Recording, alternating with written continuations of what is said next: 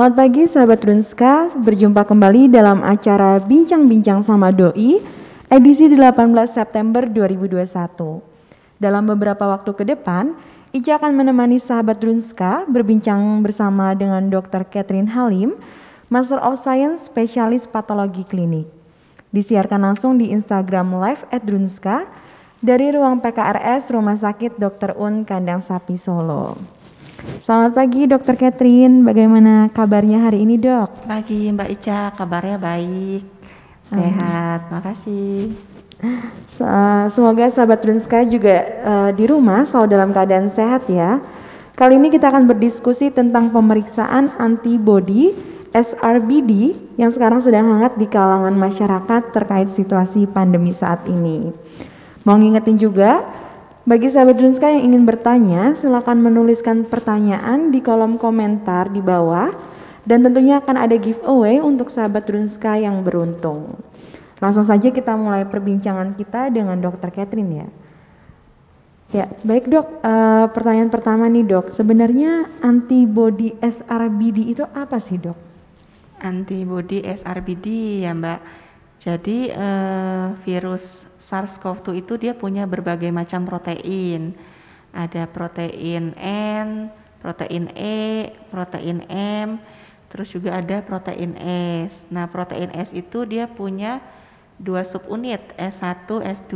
Nah, di S1 itu ada namanya protein SRBD atau spike receptor binding domain. Nah, protein tersebut dia yang akan istilahnya mengikat eh, ke sel manusia, ke sel inang. Nanti dia akan berikatan dengan reseptor S2.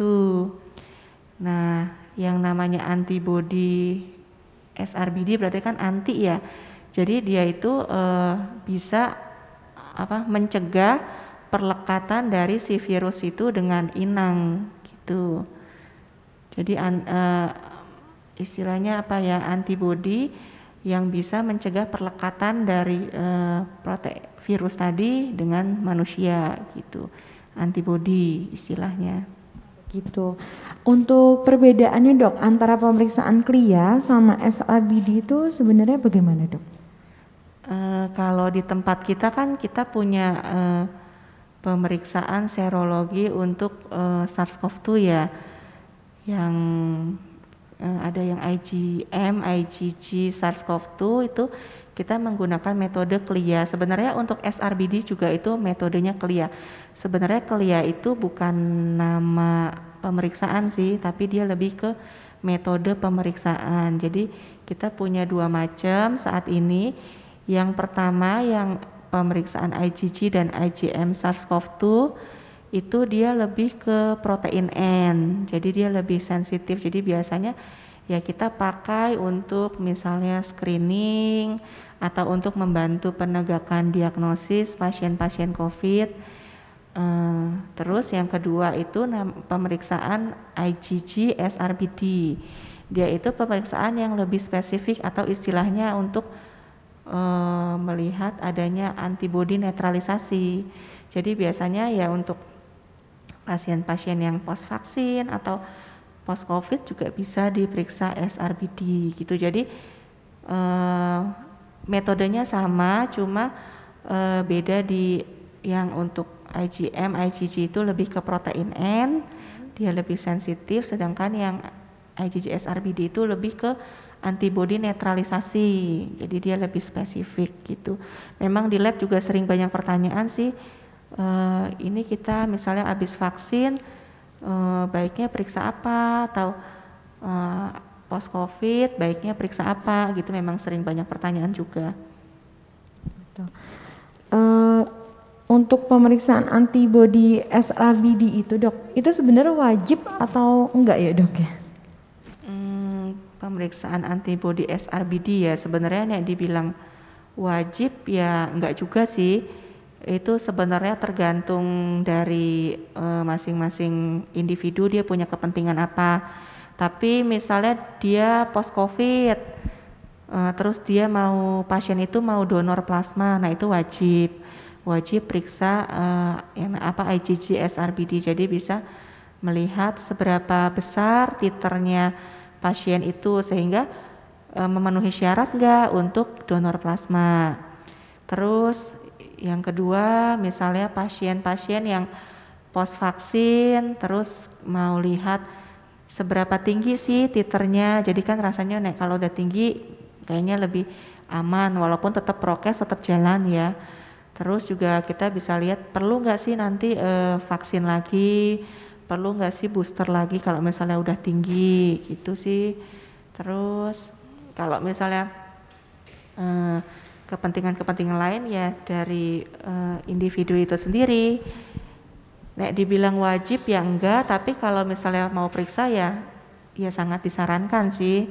Memang baiknya. Jadi kan kita ya misalnya udah tinggi kayaknya kayaknya rasanya lebih aman gitu ya walaupun tetap prokesnya tetap jalan gitu tapi yang memang wajib itu ya untuk pasien-pasien donor plasma memang kan kita perlu tahu titernya seberapa tinggi gitu begitu jadi yang wajib itu kalau misalnya mau donor gitu ya, ya dok mau mungkin ya? donor ya. karena ada titernya kalau di tempat kita uh, titer yang di uh, apa di apa minimal titer minimal itu eh, sekitar 96 itu setelah dikonversi ke satuan WHO 96 BAU per mililiter gitu. Hmm. Jadi tapi hmm. tiap lab juga punya apa standarnya uh, sendiri-sendiri. Ya, betul, ya, kadar sendiri tergantung alat yang digunakan di lab tersebut gitu. Oh gitu. Uh, ini udah ada pertanyaan yang masuk dok dari Anindya Dewi underscore 105. Mohon izin bertanya dokter, apakah efektif jika pengobatan dengan plasma darah ya dok? Plasma darah ya, uh, ini sebenarnya di luar konten bincang-bincang hari ini ya. Tapi uh, gini, uh, untuk sampai saat ini sih sebenarnya TPK itu nggak menjadi terapi utama sih Mbak Anindya ya. Cuma dari beberapa penelitian memang uh, terapi plasma itu baik untuk menurunkan apa tingkat kesakitan atau menurunkan tingkat mortalitas di kalau dilakukan di istilahnya minggu-minggu awal. Jadi ada yang bilang 72 jam post infeksi. Jadi untuk mencegah terjadinya perburukan. Terus juga hmm, yang dimasukkan itu yang memiliki titer antibodi yang tinggi. Makanya kalau bisa untuk pasien-pasien eh, yang mau diterapi plasma itu kan kita kan uh, biasanya dari penyintas juga toh kita ambil dari penyintas yang titer antibodinya tinggi itu memiliki tingkat efektivitas uh, yang lebih baik. Jadi apa? Uh, pemberian terapi plasma yang di waktu-waktu awal post infeksi jadi di minggu pertama ada yang bilang 72 jam dengan titer antibodi yang tinggi. Itu cukup efektif untuk menurunkan tingkat morbiditas atau tingkat mortalitas. Kira-kira gitu Mbak Anindya. Tapi belum menjadi terapi utama. Ya ini dari Anindya Dewi underscore 105 lagi dok. Ya. uh, mohon maaf izin bertanya dok. Menurut dokter apakah hasil tes serologi antibodi COVID dapat berubah seketika waktu ya dok? Terima kasih. Hmm, ini mungkin yang dimaksud yang IgG IgM ya Mbak Anindya ya. E, berubah seketika waktu ya. Sebenarnya sih harusnya sih enggak ya karena masing-masing antibody istilahnya ini kalau menurut teorinya ya dia punya e, kapan dia mencapai puncak kapan dia akan turun tapi mungkin bisa e, apa dipengaruhi dari imun pasien itu juga. Mungkin pasien-pasien yang uh, imunodefisiensi atau dia mungkin punya penyakit lain mungkin bisa apa enggak istilahnya enggak sesuai teori gitu mbak. Nah untuk IgM itu sebenarnya dia nanti dia akan mencapai puncak dia sekitar ya minggu pertama minggu kedua hari ke-12 hari ke-14 nanti dia akan turun mbak turun nanti uh, sekitar uh, bulan ketiga, dua bulan kedua sampai bulan ketiga dia akan turun, jadi hilang. Nah itu akan muncul si IgG, IgG SARS-CoV-2. Nanti dia muncul di minggu ketiga. Makanya kalau misalnya kita mau periksa apa antibody ya memang sebaiknya ya minggu-minggu agak belakang, jadi minggu satu sampai minggu ketiga gitu. Kalau di awal-awal antibody belum terbentuk istilahnya. Jadi kita uh, sarankan di minggu 1 sampai ketiga. Nah, IgG ini nanti akan mulai naik sekitar minggu ketiga, nanti dia akan menetap. Menetapnya cukup lama, tapi ya itu juga tergantung imun masing-masing ya. Nanti dia akan hilang, ada yang uh, satu tahun, ada yang mungkin enam bulan mungkin bisa hilang. Tapi dari dari teori itu sampai hitungannya sih sampai tahunan, satu sampai tiga tahun gitu. Berarti gitu, uh, bisa berkurang atau bisa bahkan hilang gitu ya dok? Iya. Ya? Uh, itu untuk IgM. Nah, IgM hmm. nanti dia akan turun, uh, hilang setelah bulan kedua, bulan ketiga. Tapi kalau IgG hmm. hilang tapi lebih lama, jadi masih dalam hitungan tahun. Memang hmm. IgG itu kadang memang uh, apa menetapnya di tubuh lama. Jadi uh, nanti Mbak nggak usah bingung kalau misalnya post COVID, terus kok IgG saya masih muncul terus, nggak hilang-hilang. Ya memang begitu sih. Uh, apa memang antibodi IgG akan bertahan cukup lama gitu. Hmm, begitu.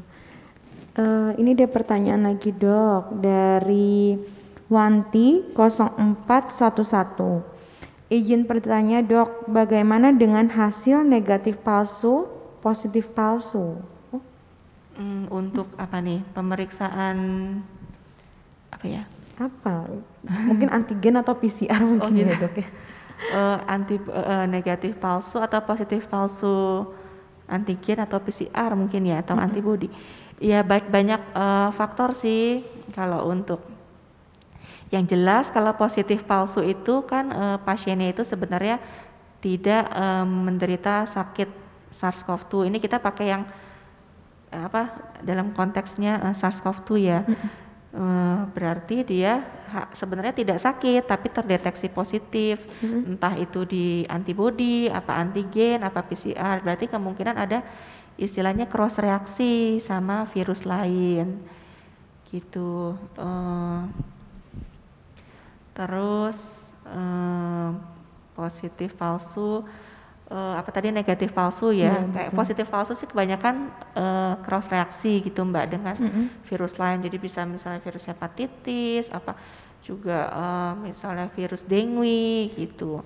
Jadi masih ada kemungkinan faktor-faktor itu tadi. Walaupun memang reagen yang kita gunakan mm -hmm. uh, spesifik untuk SARS-CoV-2 tapi masih ada kemungkinan-kemungkinan tadi terus kalau negatif palsu harusnya pasien itu kan sebenarnya mm, sakit tapi mm -hmm. ternyata nggak sakit jadi terdeteksi negatif apa itu di antibody apa antigen apa mm -hmm. PCR ya itu lebih eh, banyak faktor juga uh, yang pertama dari sampling mungkin samplingnya kurang adekuat istilahnya sampel apa beda sih ya nek. Kalau antibody kan dari darah. Iya, kalau antigen atau apa PCR dari uh, apa uh, colok hidung, swab nasofaring, ya mungkin apa sampelnya kurang adekuat, uh, lebih diproses apa itu analit eh, preanalitik. Atau proses uh, apa ya transportasi juga bisa pengaruh, terus juga bisa juga uh, alat itu nggak bisa membaca, jadi jumlah hmm. virusnya itu ada di bawah level deteksi alat juga bisa. Hmm, karena kan tiap alat tuh punya batasnya sendiri-sendiri ya, ya dok ya punya batasnya sendiri-sendiri. Bisa karena itu jadi bisa faktor preanalitik hmm. tadi, sampling, kualitas spesimen, uh, faktor uh, dari jumlah virusnya, hmm. dari waktu pengambilan juga bisa seperti tadi misalnya uh, eh, PCR antigen ini antigen ini apalagi harus di minggu-minggu awal ya pas Betul. sakit nanti dia minggu-minggu berikutnya biasanya udah sering muncul negatif palsu. Nah, hmm. di PCR padahal masih positif gitu. Hmm. Jadi waktu pengambilan sampel itu juga penting, sangat penting. Misalnya tadi kayak antibody, antibody misalnya Mbak Wanti cek-cek di minggu awal ya kemungkinan belum muncul. Tapi kalau nanti cek di minggu kedua, ketiga, mungkin dia sudah bisa muncul gitu. Hmm, begitu. Kira-kira. Ini ada lagi dok dari Wulan dari Nevi 3 Izin bertanya dok, untuk pasien AI yang sudah terkonfirmasi COVID-19 dan akan menjalankan tindakan plasmafaresis, tes apa saja ya dok yang harus dilakukan sebelumnya? Uh, pasien apa mbak? Pasien AI dok. Pasien AI. Iya, yang sudah terkonfirmasi. AI autoimun apa ya? Oh iya mungkin ya Oh, ya. oh pasien autoimun ya, pasien autoimun terus udah terkonfirmasi COVID mau menjalani plasma ya. Iya, plasmafaresis. Mm, Nah, itu untuk eh, apa pasien-pasien autoimun juga memang perlu perhatian juga ya, Mbak. Mbak siapa tadi? Eh, perlu perhatian yang pertama yang pasti harus konsul dulu dengan dokter eh, DPJP. Jadi dokter yang biasa eh, merawat siapa tadi ya, Mbak? Autoimun ya. Eh, Mbak siapa tadi? AI. Autoimun. autoimun eh, jadi eh, pertama konsul dulu dengan dokter yang merawat pasien autoimun tadi karena memang perlu ada istilahnya mungkin ada perlakuan-perlakuan khusus karena kan eh, eh, apa mem- yang namanya terapi plasma kan memasukkan apa istilahnya antibodi. Ya tapi untuk screening eh, rutin yang biasa ya yang pasti pemeriksaan vital sign kondisi pasien juga dalam keadaan baik terus juga parameter parameter lab eh, rutin seperti darah lengkap terus ya fungsi hati fungsi ginjal. Nah untuk eh, apa untuk eh, pasien yang apa yang autoimun yang mungkin dengan terapi dia mendapatkan obat apa eh, untuk eh, autoimunnya itu perlu konsul lagi sih dengan dokter yang merawat gitu. Berarti dokter yang memeriksa biasanya Iya, gitu ya memeriksa. dok. Mm, betul. Dokter yang Ini ada pertanyaan lagi dok dari Effendi underscore Hananti. Izin tanya dok, apakah benar jika sudah terkonfirmasi COVID, jarak penerimaan vaksin lepas dua bulan dok?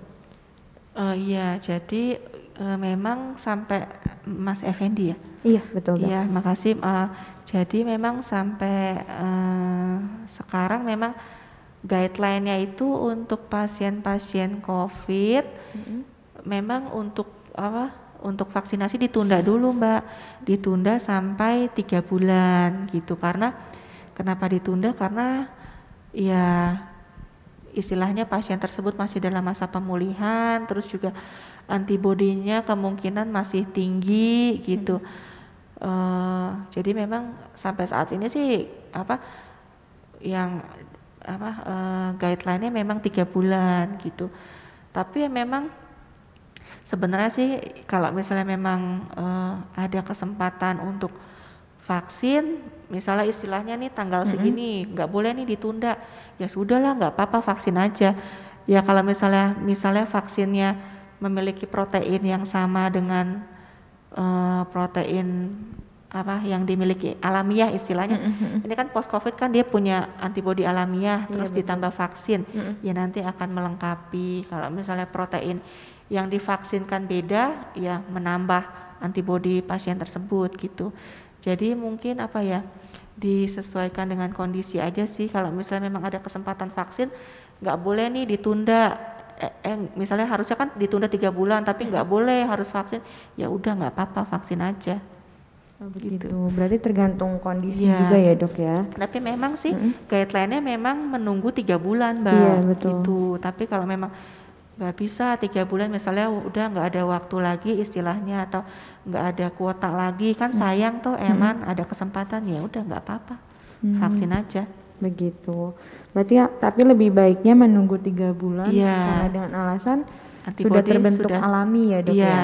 Sudah terbentuk an- alami, yang pasti antibodinya tuh lebih tinggi dibanding antibodi vaksin. Nah, setelah tiga bulan antibodinya si pasien itu akan turun toh, makanya dia divaksin gitu. Oh gitu dok. Oh ya sudah terjawab ya Pak Effendi. Berikutnya dok pertanyaan dari Bapak Beni. Untuk kuantitatif pasca vaksinasi COVID-19 eh, kedua yaitu tanggal 30 Agustus dengan vaksin AstraZeneca itu kapan waktu yang tepat untuk dilakukan eh, pemeriksaan SRBD dok?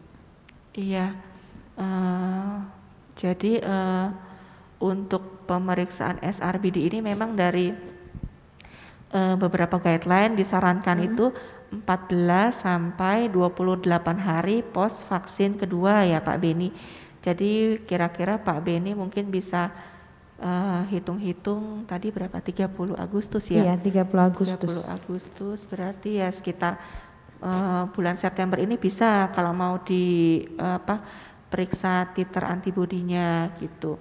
Nanti uh, diulang lagi, diulang lagi, dilihat lagi tiga bulan titernya sudah uh, turun atau mungkin malah tambah meningkat. Biasanya kan uh, apa apa kinetikanya tiap vaksin mungkin beda-beda ya. Ada yang uh, mi- uh, 14 hari pos vaksin dia nanti naik terus nanti kemudian akan turun. Tapi memang kebanyakan sih turun mbak.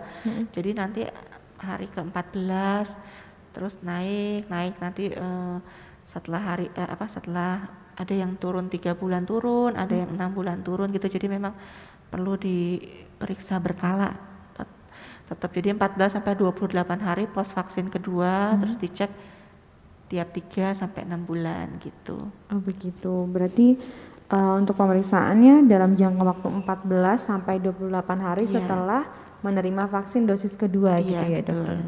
Hmm. Ini ada pertanyaan lagi dok dari Wanti 0411. Apa yang harus dilakukan setelah cek antibodi ini dalam batas tidak normal dan kapan harus cek ulang begitu dok? Hmm, gimana Apa yang har- harus dilakukan Iya. setelah cek antibodi ini dalam batas tidak normal dan kapan harus cek ulang begitu dok? dalam batas tidak normal ini Iya. mungkin maksudnya belum terbentuk kali ya Iya kemungkinan ya dok. Eh, sebenarnya untuk SRBD ini nggak ada apa batas eh, normal atau nggak normal sih Mbak Wanti. Jadi kita bikin dia sama kasus apa istilahnya reaktif atau non reaktif kalau reaktif berarti dia titernya sudah tinggi. Di tempat kita kita pakai alat dengan titer reaktif itu lebih dari 10 lebih dari 10 eh, unit ya. Lebih dari 10 unit per mililiter. Nah kita konversikan. Kalau dikonversikan ke satuan internasional WHO itu dikonversi ke BAU per mililiter. Jadi dikali 0,8226 ya gitu eh apa? Eh, 10 kita pakai patokannya 10 jadi kalau sudah lebih dari 10 ya istilahnya itu sudah ada kekebalan Mbak Wanti ya. Iya betul. Heeh. cuman memang belum ada kadar berapa sih yang menyatakan ini dia sudah protektif nih Eh, maksudnya sudah apa belum ada kadar protektif eh, yang yang saat, sampai saat ini masih penelitian Mbak Wanti jadi kita cuma bisa lihat ini titernya ini lebih dari 10 atau nanti dikonversi sendiri ya ke BAU per mililiter berarti dia sudah ada kekebalan nih Mbak cuma saya sudah protektif belum sih? Nah itu belum, jadi masih be- belum masih eh, penelitian masih Betul. berjalan gitu.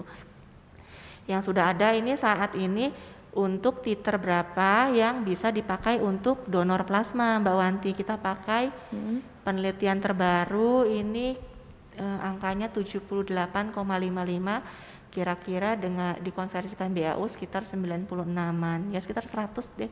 Sama seperti alat lain kira-kira 100 sampai 120 BAU per mililiter. Gitu itu bisa untuk donor Eh, kalau misalnya nggak normal maksudnya mungkin belum terbentuk antibody ya perlu dicek dulu itu vaksin keberapa apakah baru vaksin satu? Nah baru vaksin satu ya pasti kita harus booster vaksin kedua. Nah untuk sampai saat ini kan kita kan belum ada protap nih vaksin booster ketiga. Booster ketiga kan yang baru-baru ini kan masih ditujukan terutama untuk nakes ya. Betul. Eh, itu masih juga kita masih lihat nanti perkembangannya seperti apa, apa perlu lagi booster ketiga, nanti kita semuanya masih penelitian Mbak Wanti gitu. Jadi sampai saat ini memang kita masih eh, booster kedua. Misalnya baru vaksin satu belum terbentuk ya udah di booster vaksin kedua gitu. Nanti Mbak Wanti cek lagi eh, 14 atau 28 hari pos vaksin kedua. Terus nanti dia eh, lihat lagi tiga bulan biasanya sih naik Eh, satu bulan dua bulan naik tapi nanti dia akan menurun setelah tiga bulan ke belakang sampai enam bulan dia akan turun tapi ya tergantung dari jenis vaksinnya juga tapi kebanyakan memang seperti itu gitu. Begitu. Berarti maksudnya belum ada yang eh, mutlak ini sudah nor- ini sudah aman protektif, uh, protektif uh, atau betul, belum gitu ya dok ya. belum. Cuman dilihat dari tingginya gitu iya ya. Dok. betul kita kita juga memang masih menunggu-nunggu karena penelitiannya masih berjalan terus sih Mbak Wanti kan. Ini juga vaksinnya juga baru jadi memang masih berjalan terus. Semoga nanti kita dapat titer berapa sih yang kira-kira protektif bagi uh, seseorang kayak yang udah ada kan kayak hepatitis B itu sudah ada dia dibanding misalnya nol terus bulan ke satu dia di apa vaksin lagi. Nah itu udah mencapai antibodi yang baik terus ternyata dari penelitian kelima dia akan turun makanya di booster lagi nah ini SARS-CoV-2 masih penelitian gitu mbak gitu. Uh, dok, misalnya gini dok, dari vaksin saat uh, Iya. dosis pertama itu kan benar nggak dok kalau misalnya habis dari dosis satu itu uh, imun kita tuh agak menurun. Hmm, mm-mm. Nah, terus akhirnya dosis kedua akhirnya baru terbentuk uh, apa namanya antibody Kekebalan. gitu. Nah, itu betul atau tidak dok? Eh, sebenarnya istilahnya bukan menurun sih ya mbak jadi yang vaksin satu itu istilahnya tubuh itu baru mengenali jadi Mm-mm. eh, tubuh itu eh, istilahnya kan vaksin itu salah satu untuk membentuk antibodi. Nah, antibodi itu istilahnya apa ya? Zat asing bagi tubuh. Jadi tubuh it, pas divaksin pertama kasih suntikan eh, tubuh itu mengenali ini ada sel-sel asing. Oh, Nah, terus kemudian kita bentuk vaksin kedua untuk membentuk kekebalan eh, apa eh, namanya apa sel memori ya gitu. Jadi vaksin satu itu sebenarnya nggak turun, tapi dia tubuh masih berjalan me- apa untuk mengenali eh, respon dari zat asing tersebut gitu. Berarti Jadi memang pas vaksin ke satu itu istilahnya belum terbentuk kekebalan yang apa yang tinggi dibandingkan dengan booster. Nah, di booster kan vaksin kedua kan ditambah lagi dimasukin lagi eh, tubuh udah mengenali ngebentuk sel-sel apa sel-sel memo- memori gitu. oh, berarti untuk yang itu masih proses adaptasi gitu ya Iya, mungkin ya dok ya. eh, benar tubuh mengenali ada sel asing yang disuntikan di kali pertama gitu. Oh iya, baik. Berikutnya eh, manfaat dari pemeriksaan antibodi SRBD sendiri dok, itu sebenarnya untuk apa ya dok? ya? Iya, jadi eh, manfaatnya eh, SRBD ya itu tadi misalnya untuk mau donor plasma ya Mbak, donor plasma itu kita harus periksa nanti titernya cukup ya udah pasien itu bisa eh, donor dengan syarat-syarat yang lain misalnya harus apa eh, pos bebas apa pos harus negatif ya negatif 14 hari sampai maksimalnya enam bulan terus syarat usia terus pria itu untuk terapi donor plasma. Eh, terus eh, yang kedua ya bisa melihat apa ya respon kekebalan tubuh. Jadi melihat eh, titer kekebalan tubuh entah itu pos vaksinasi atau pos eh, infeksi covid yang alamiah gitu. Begitu. Untuk SRBD sendiri itu pengambilan sampelnya melalui darah ya dok ya? Iya, jadi kalau SRBD kan antibody ya, sama kayak yang IgG, IgM antibody SARS-CoV-2 kita pakainya darah, nanti kita ambil bentuk serum gitu. Oh begitu. Iya. Berarti eh, SRBD sendiri penting untuk misalnya kalau kita mau donorkan plasma Iya. begitu ya dok. Tapi sebenarnya untuk wajib atau tidaknya itu tergantung kebutuhan mungkin ya Iya, dok ya. tergantung kebutuhan bener. Kalau kita mau lihat eh, apa titer kita seberapa, udah aman apa belum, Mm-mm. eh, apa perlu vaksin lagi ya bisa pakai itu. Ini sih kebanyakan kan kita kan di sini kan udah apa yang booster ketiga ya, nakes-nakes. itu pos booster ketiga titernya memang tinggi-tinggi hampir di atas seribu semua memang eh, cukup apa eh, signifikan sih. Jadi kita bisa ngelihat dari situ sih. Eh, misalnya kemarin eh, vaksin pertama, kedua titernya masih sekitar 50, 60, ternyata di booster ketiga titernya 1000 ya itu udah istilahnya nih lebih dari 1000 itu sudah masuk sekitar proteksi 90 sampai 100% gitu. Begitu. Jadi kan kita rasanya oh ya sudah cukup aman gitu. Iya betul dok. Berarti misalnya eh, apa ya dok ya SRBD sendiri, misalnya eh, saya pernah kena, tapi kan baru vaksin eh, belum belum vaksin nih dok. Iya, belum Tapi vaksin. pas eh, SRBD dicek ternyata tinggi. Iya. Nah itu berarti eh, nggak usah melakukan vaksin atau gimana Iya dok? sih.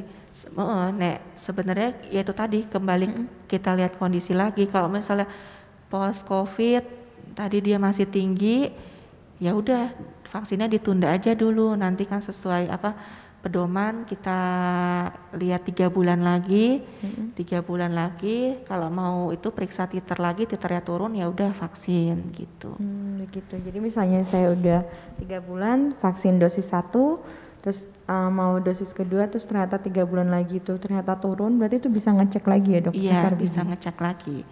Eh, jadi pemeriksaannya itu 14 sampai 28 hari pos vaksin kedua, terus nanti dicek lagi secara berkala tiga bulan, enam bulan gitu. Hmm, begitu ya dok ya. Cuman untuk ya itu tadi untuk booster berikutnya kita masih belum ada info kan ya sementara sampai saat ini masih dua kali booster. Nah kita tunggu penelitian-penelitian selanjutnya mungkin ya di tahun depan ya mudah-mudahan ya sudah ada sih udah ada guideline-nya istilahnya paket bundling misalnya Mm-mm. vaksin satu 0 hari, vaksin 2 14 hari atau 28 hari, vaksin 3 misalnya 6 bulan gitu booster. Ya mungkin itu sambil jalan. Mungkin ya mudah-mudahan tahun depan sudah ada Iya, hasilnya. betul dok. Mau ini juga nih saya eh, itu dia ya sahabat Runska informasi dari Dokter Catherine terkait antibody SRBD begitu ya dok ya. Eh, mau nginfoin juga buat sahabat Runska yang di rumah aja, namun perlu konsultasi dengan dokter. Don't worry karena rumah sakit juga menyediakan pelayanan telemedicine di mana konsultasi tatap muka bisa dilakukan melalui aplikasi smartphone dan untuk obatnya bisa juga diantar dengan layanan antar obat. Jadi eh, sahabat dan sekalian di rumah bisa menggunakan layanan telemedicine seperti itu. Kalau untuk SR, SRBD sendiri itu berarti untuk pemeriksaannya langsung di lab ya dok ya? Iya, pemeriksaannya untuk saat ini sih eh, masih datang ke laboratorium sih Mbak. Cuma memang kemarin sempat ada wacana apakah memungkinkan kalau misalnya kita melakukan drive thru tempatnya kira-kira sama di bawah ya di B1 ya seperti tempat antigen atau PCR tapi ya kita masih pertimbangkan waktu terus juga hal-hal lain. Sampai saat ini sih masih di laboratorium gitu. Begitu. Jadi eh, menginformasikan juga untuk sahabat Drunska yang hendak periksa ke rumah sakit atau datang ke rumah sakit, gak usah khawatir ya karena Drunska tetap aman. Sahabat Drunska bisa melakukan pendaftaran secara online dengan menggunakan aplikasi Drunska Mobile. Pendaftaran jadi lebih mudah dan dapat diakses di mana saja. Pendaftaran menggunakan Drunska Mobile berlaku H-7 sampai H-1 tanggal periksa. Begitu. Di rumah sakit kita sendiri untuk layanan SRBD bisa setiap hari ya dok ya? Bisa, bisa setiap hari Mbak, bisa setiap hari. Begitu. Berarti kalau mau periksa SRBD nggak ada yang maksudnya tidak ada untuk pemeriksaan khusus misalnya kayak orang eh, punya hipertensi atau apa gitu berarti tidak nggak apa-apa Iya. ya dok ya? Nggak apa-apa pemeriksaan SRBD ini untuk semua bisa dilakukan, nggak ada istilahnya nggak ada persiapan khusus, nggak ada syarat khusus boleh. Kalau misalnya eh, teman-teman ada yang mau periksa, pengen tahu nih berapa sih eh, kekebalannya, silahkan langsung aja, nggak usah pakai persiapan apa-apa, Hmm, begitu. nggak Oh ada iya. syarat khusus. Oh, oh iya. Baik dok, ini ada pertanyaan dok dari Aisyah Ramadan 9. Selamat siang mau bertanya, untuk di Indo kan harus nunggu tiga bulan. Iya. Tapi ada kabar katanya untuk di luar negeri tidak harus menunggu tiga bulan. Apakah itu benar? Kalau iya, kenapa bisa begitu ya dok? Iya Mbak, untuk vaksin ya Iya, Mbak betul, Aisyah. Dok. Eh, iya memang di tempat kita memang eh, guideline dari apa Kemenkes memang tiga bulan. Kalau di tempat lain saya juga belum kurang tahu sih ya Mbak ya. Ya dasar pertimbangannya itu tadi. Jadi memang pasien-pasien eh, yang sudah post COVID istilahnya Mbak eh, itu dia udah punya kekebalan alamiah. Jadi malah lebih banyak eh, apa eh, antibodinya, antibodi humoral, antibodi seluler gitu. Nah, kenapa kita nunggu tiga bulan? Ya tiga bulan di apa dipikirkan kemungkinan akan turun antibodi pasien tersebut makanya okay. divaksin setelah tiga bulan kalau di tempat lain uh, saya kurang tahu juga sih tapi di Indonesia memang guideline-nya seperti itu tapi ya kembali lagi yaitu tadi kalau misalnya ada kesempatan untuk vaksin ternyata tiga bulan nggak bisa ya sudah nggak apa-apa divaksin aja gitu. Betul. Berarti memang tergantung kondisinya juga yeah. ya dok ya. Maksudnya mungkin tiap negara kan punya peraturan yang berbeda-beda ya punya dok. peraturan ya? yang berbeda-beda. Mungkin juga apa ya, ya istilahnya respon imun masing-masing orang beda. Kita di Indonesia aja, misalnya saya sama Mbak Ica juga udah beda respon imunnya, apalagi Indonesia dengan negara luar. Terus juga jenis uh, vaksinnya juga beda. Yang di tempat kita mungkin kita kebanyakan pakai Sinovac, mungkin di tempat lain memang lebih apa kayak Pfizer ya terus apa uh, apa AZ ya AstraZeneca ya, gitu. Memang banyak faktor sih mbak. Terus ya ditambah kebijakan masing-masing negara betul dok seperti yang sudah disampaikan di awal tadi ya dok maksudnya kan sudah terbentuk alami ya, begitu ya betul. dok ya mm -mm, sudah ada antibodi alamiah post covid jadi ya kalau divaksin lagi saat itu juga kayaknya sayang gitu Betul. Jadi karena sudah terbentuk ya yeah. memang peraturan untuk menunggu tiga bulan ya memang seperti itu mungkin yeah. dok ya begitu. Um, terima kasih uh, mau juga mau infoin kepada sahabat Drunska yang mau hendak atau hendak periksa melakukan pemeriksaan antibodi SRBD di rumah sakit kita sudah melayani setiap hari ya dok ya. Nanti untuk pendaftaran di bagian pendaftaran tanpa ada syarat khusus ya dok ya? Iya nggak ada syarat khusus. Semua yang mau periksa bisa periksa. Begitu. Jadi ya terutama untuk uh, sahabat Runska yang mau donor plasma bisa melakukan pemeriksaan iya. antibodi SRBD terlebih dahulu. Iya, begitu ya dok betul. ya. Ya, uh, Dokter Catherine, tidak terasa ini waktu perjumpaan kita dengan sahabat Runska uh, hampir habis. Terima kasih banyak dokter untuk edukasi Sama. dan informasi yang diberikan siang ini kepada sahabat Drunska. Uh, terima kasih juga untuk semua sahabat Drunska yang sudah setia mengikuti dari awal hingga akhir. Pemenang giveaway akan diumumkan besok melalui postingan IGTV. Stay tune di Instagram Drunska ya, begitu. Oh, ada satu lagi dokter nih pertanyaan dok menyusul ya. Ini dari Nuna Cipta. Halo dokter Catherine, mau tanya dokter, kalau misal belum pernah terkonfirmasi positif, tapi saat mau coba tes SRBD, apakah bisa? Kemudian jika bisa dan ternyata ada nilai SRBD-nya, apakah mungkin pernah positif? Oh iya. Begitu dok. Iya. Uh, Mbak siapa tadi ya? Loh. Mbak Nuna Cipta. Iya, iya Mbak Nuna.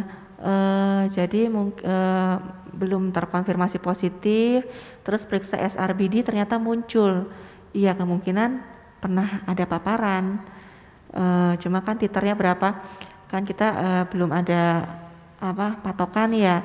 Betul. Pokoknya nih di atas 10 yaitu sudah reaktif. Kemungkinan memang sudah ada paparan. Jadi mungkin pasien itu mungkin enggak ada gejala, kan kebanyakan yang enggak ada gejala terus uh, dicek uh, eh, SRBD muncul reaktif kemungkinan memang uh, sudah ada paparan tuh bisa begitu baik untuk Mbak Nuna Cipta sudah terjawab ya pertanyaannya Uh, sekali lagi terima kasih Dokter Catherine ya, untuk sama -sama. informasi edukasinya pada siang hari ini sehingga saya dan sahabat Rizka juga sekarang mungkin mengerti SRBD itu apa gitu ya dok ya. Uh, untuk teman-teman sahabat Rizka juga Uh, untuk pemenang giveaway akan diumumkan besok melalui postingan IGTV, jadi stay tune di Instagram Drunska. Selamat melanjutkan aktivitas bagi sahabat Drunska sekalian. Jangan lupa tetap mematuhi protokol kesehatan, menjaga kebersihan dan selalu menjaga kesehatan. Kita berdoa bersama agar wabah virus, corona ini segera berakhir. Rumah Sakit Dr. Unkan yang Sapi Solo aman untuk Anda Sampai jumpa di acara bincang-bincang sama doi selanjutnya.